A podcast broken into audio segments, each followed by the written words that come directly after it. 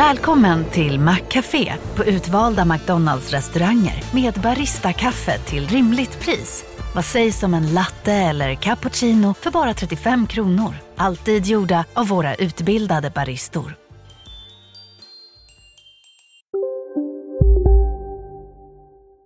Hej och välkomna till Lisa läser. Det är jag som är Lisa och idag ska jag läsa hur Vitnos blev matematiklärare. Det var en gång ett litet vitt föl som hette Vitnos. Han bodde i Munterby och hade två goda vänner som hette Sven och Erik. De brukade ha mycket roligt tillsammans. Ofta sprang de i kapp från hästhagen över ån och bort till stalldörren. Pojkarna var alldeles utmattade när de nådde dit. De pustade och stånkade som två ånglok.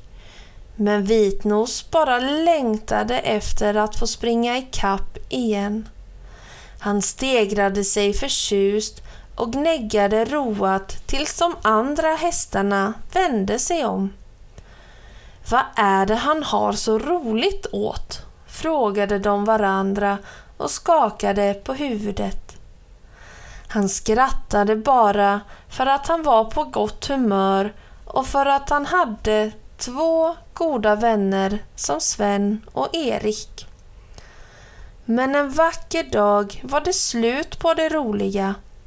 De stora hästarna kom fram till Vitnos och sa Nu är det dags för dig att bruka allvar. Skolan börjar om en vecka. Skolan? utbrast Vitnos förvånat. Ska jag gå i skolan?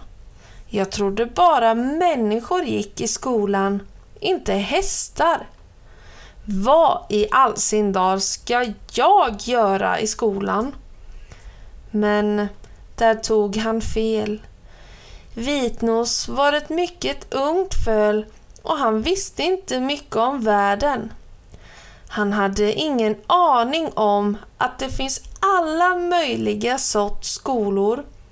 Själv skulle han få börja i en skola för cirkushästar.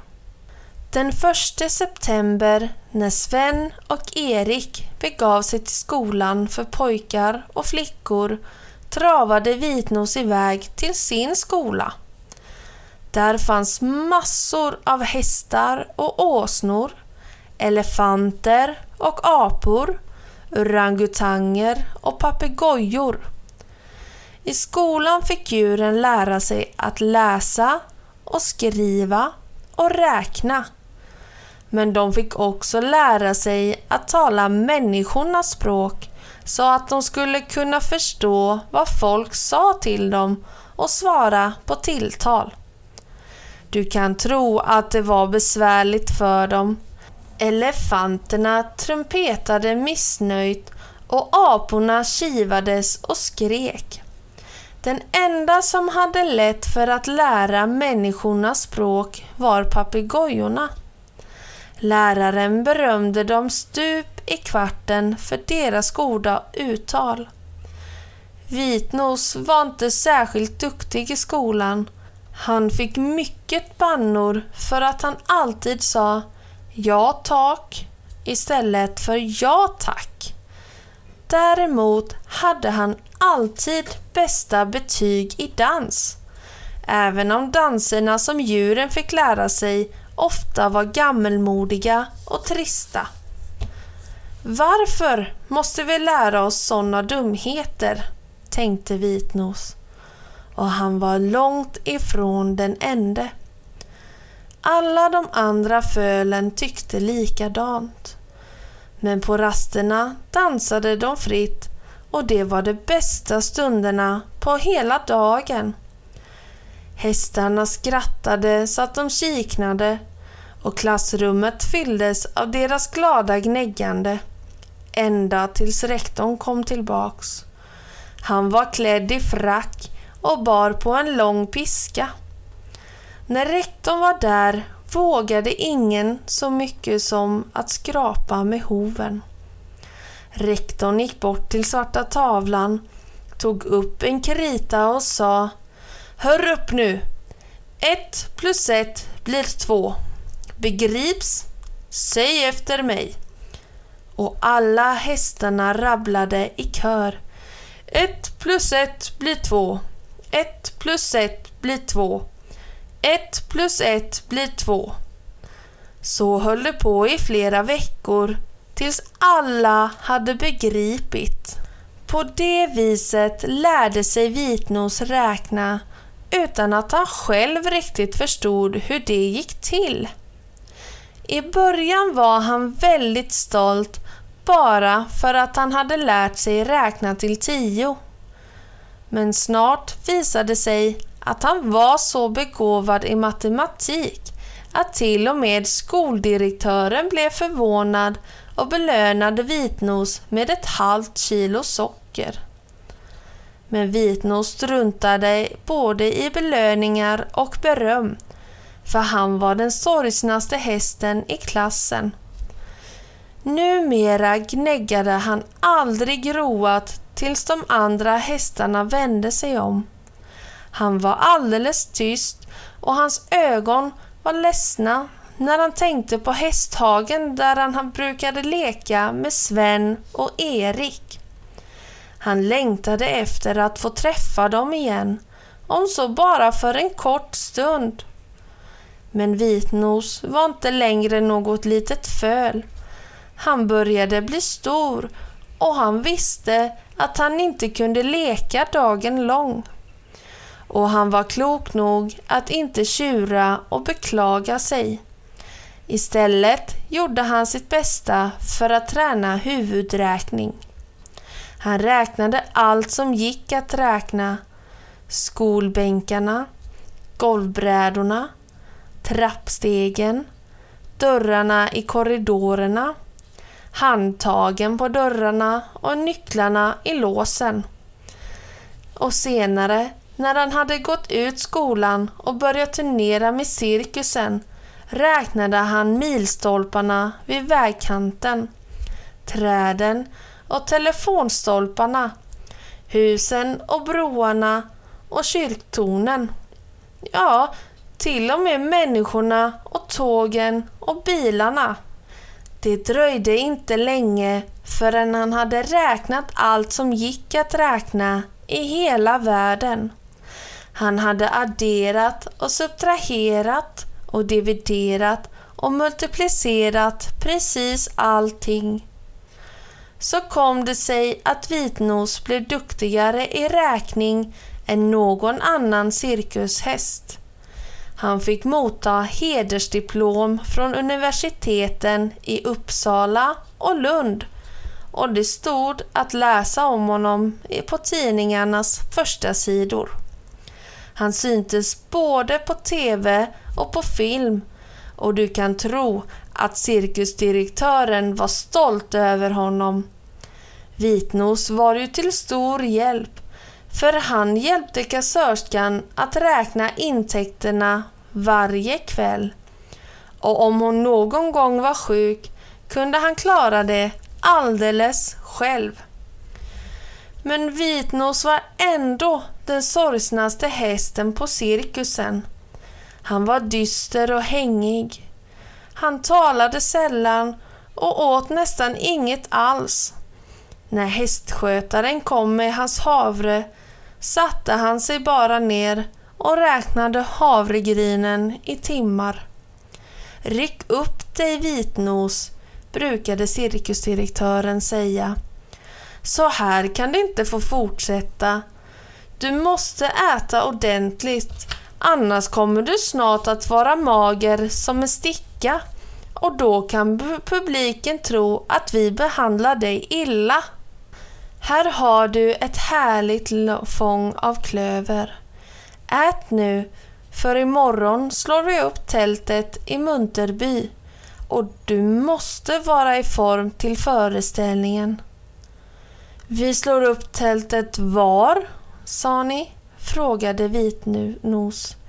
I Munterby, svarade cirkusdirektören. Då blev Vitnos så förtjust att han stegrade sig och gav till en lycklig gnäggning. Sedan svalde han all klöven i ett huj. Cirkusdirektören tittade förfärat på honom och tänkte Den stackaren har bestämt förlorat förståndet. Utan honom kan vi lika gärna ställa in turnén. Men Vitnos bara fortsatte skratta. Han var så glad att han skulle få återse sina vänner. Sven och Erik satt i samma stund i skolan och skrev en uppsats. Ämnet för uppsatsen var Mitt bästa minne. Och vad tror du de skrev om? Jo, vitnos förstås och om hur de brukade springa i kapp med honom från hästhagen, över ån och bort till stalldörren. Tyvärr var de inte så duktiga på att skriva och gjorde många fel, precis som alla de andra pojkarna och flickorna i klassen. Lärarinnan var inte alls belåten. Hon putsade argt sina glasögon medan hon försökte fundera ut ett lämpligt straff. Till slut bestämde hon sig för att ge barnen en riktigt knepig räkneuppgift i hemläxa. Sagt och gjort, lärarinnan gav Sven och Erik och alla deras kamrater världens svåraste matteläxa. Barnen visste varken ut eller in.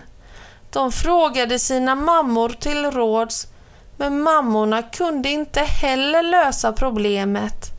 Det var alldeles för svårt för dem. Då bad barnen sina pappor om hjälp och papporna tog itu med hemläxan. De räknade och räknade och grubblade och funderade. Men hur de än ansträngde sig kunde inte heller de lösa problemet. Matematikläxan var alldeles för svår för dem.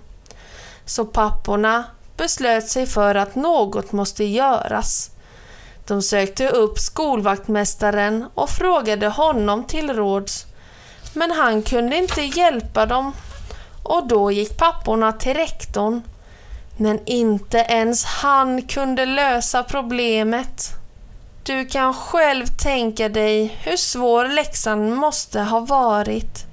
Till sist gick de allihop, både rektorn och vaktmästaren och papporna och mammorna för att söka upp lärarinnan som hade funderat ut problemet.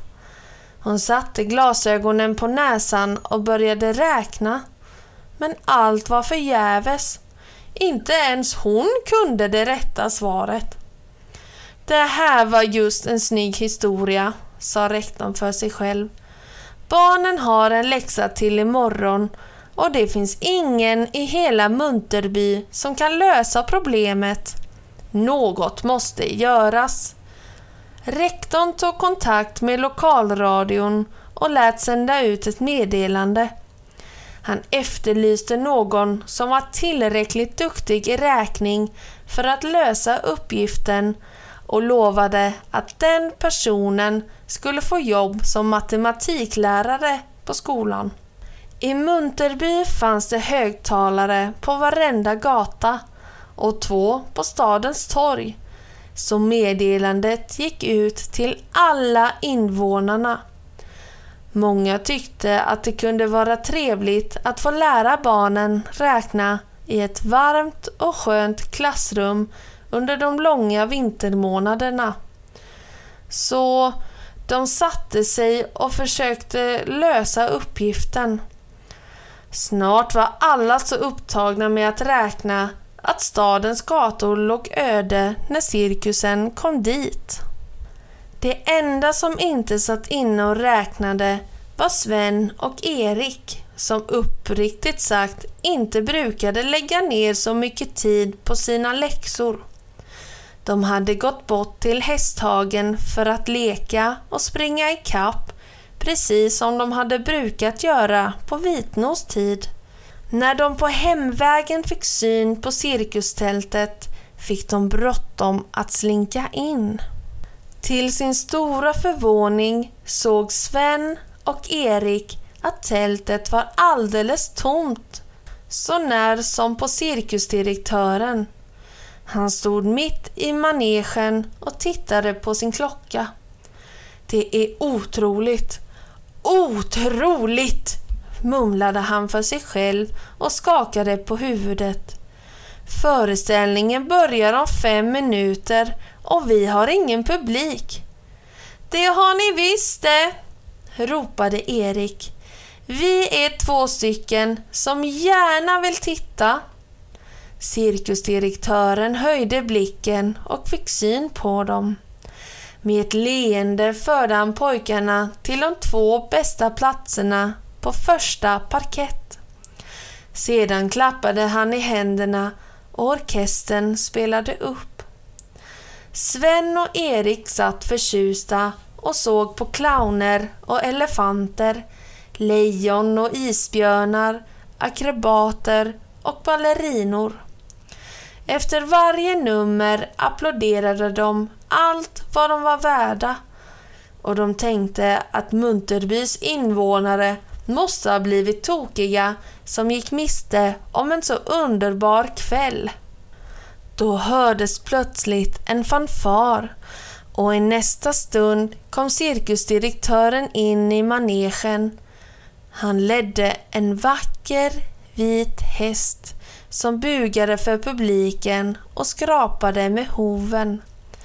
Och nu, mina herrar, har det blivit dags för vårt specialnummer, började han högtidligt. Jag är säker på att ni inte har sett maken till ett sådant nummer i hela ert liv. Den här hästen är ett matematiskt snille. Han har fått hedersdiplom från våra största universitet. Får jag be om er uppmärksamhet? Så gav han hästen den ena räkneuppgiften efter den andra och hästen löste dem alla utan minsta svårighet. Men tycker du inte att hästen på något vis verkar bekant? sa Sven plötsligt till Erik. Men Erik lyssnade inte, för han hade precis kommit ihåg den svåra matteläxan. Sven, har vi inte en räkneuppgift att lösa till imorgon? viskade han. Tänk om vi skulle be den duktiga hästen om hjälp. Med de orden räckte Erik beslutsamt upp handen. Cirkusdirektören tittade upp och frågade Ja, vad vill du? Jo, vi undrar om den kloka hästen inte skulle kunna hjälpa oss med ett litet matematikproblem, sa Erik. Cirkusdirektören log och svarade Naturligtvis, den här hästen kan lösa alla räkneuppgifter i hela världen. Bara säg vad det är ni vill ha hjälp med. Erik tog upp sin räknebok och läste upp den svåra övningen som pojkarna hade fått i läxa. Hästen räknade och räknade. Det märktes att det var en mycket svår uppgift. Men till sist sa den Nu har jag svaret, kära Erik. Det blir 125 788. Och det är säkrast att du skriver ner svaret med detsamma, annars glömmer du bara bort det. Sven och Erik stirrade förvånat på hästen. De undrade hur den kunde veta vad Erik hette. Men i nästa ögonblick får Sven upp och började hoppa jämfota av iver. Det är ju Vitnos! ropade han och pojkarna rusade in i manegen fram till hästen som stegrade sig och gnäggade av förtjusning. Sven och Erik hoppade och skuttade runt Vitnos. De kysste och kramade honom gång på gång. Cirkusdirektören bara stirrade och musikanterna visste inte vad de skulle ta sig till. Men så stämde de upp i en marschmelodi, den vackraste de kunde.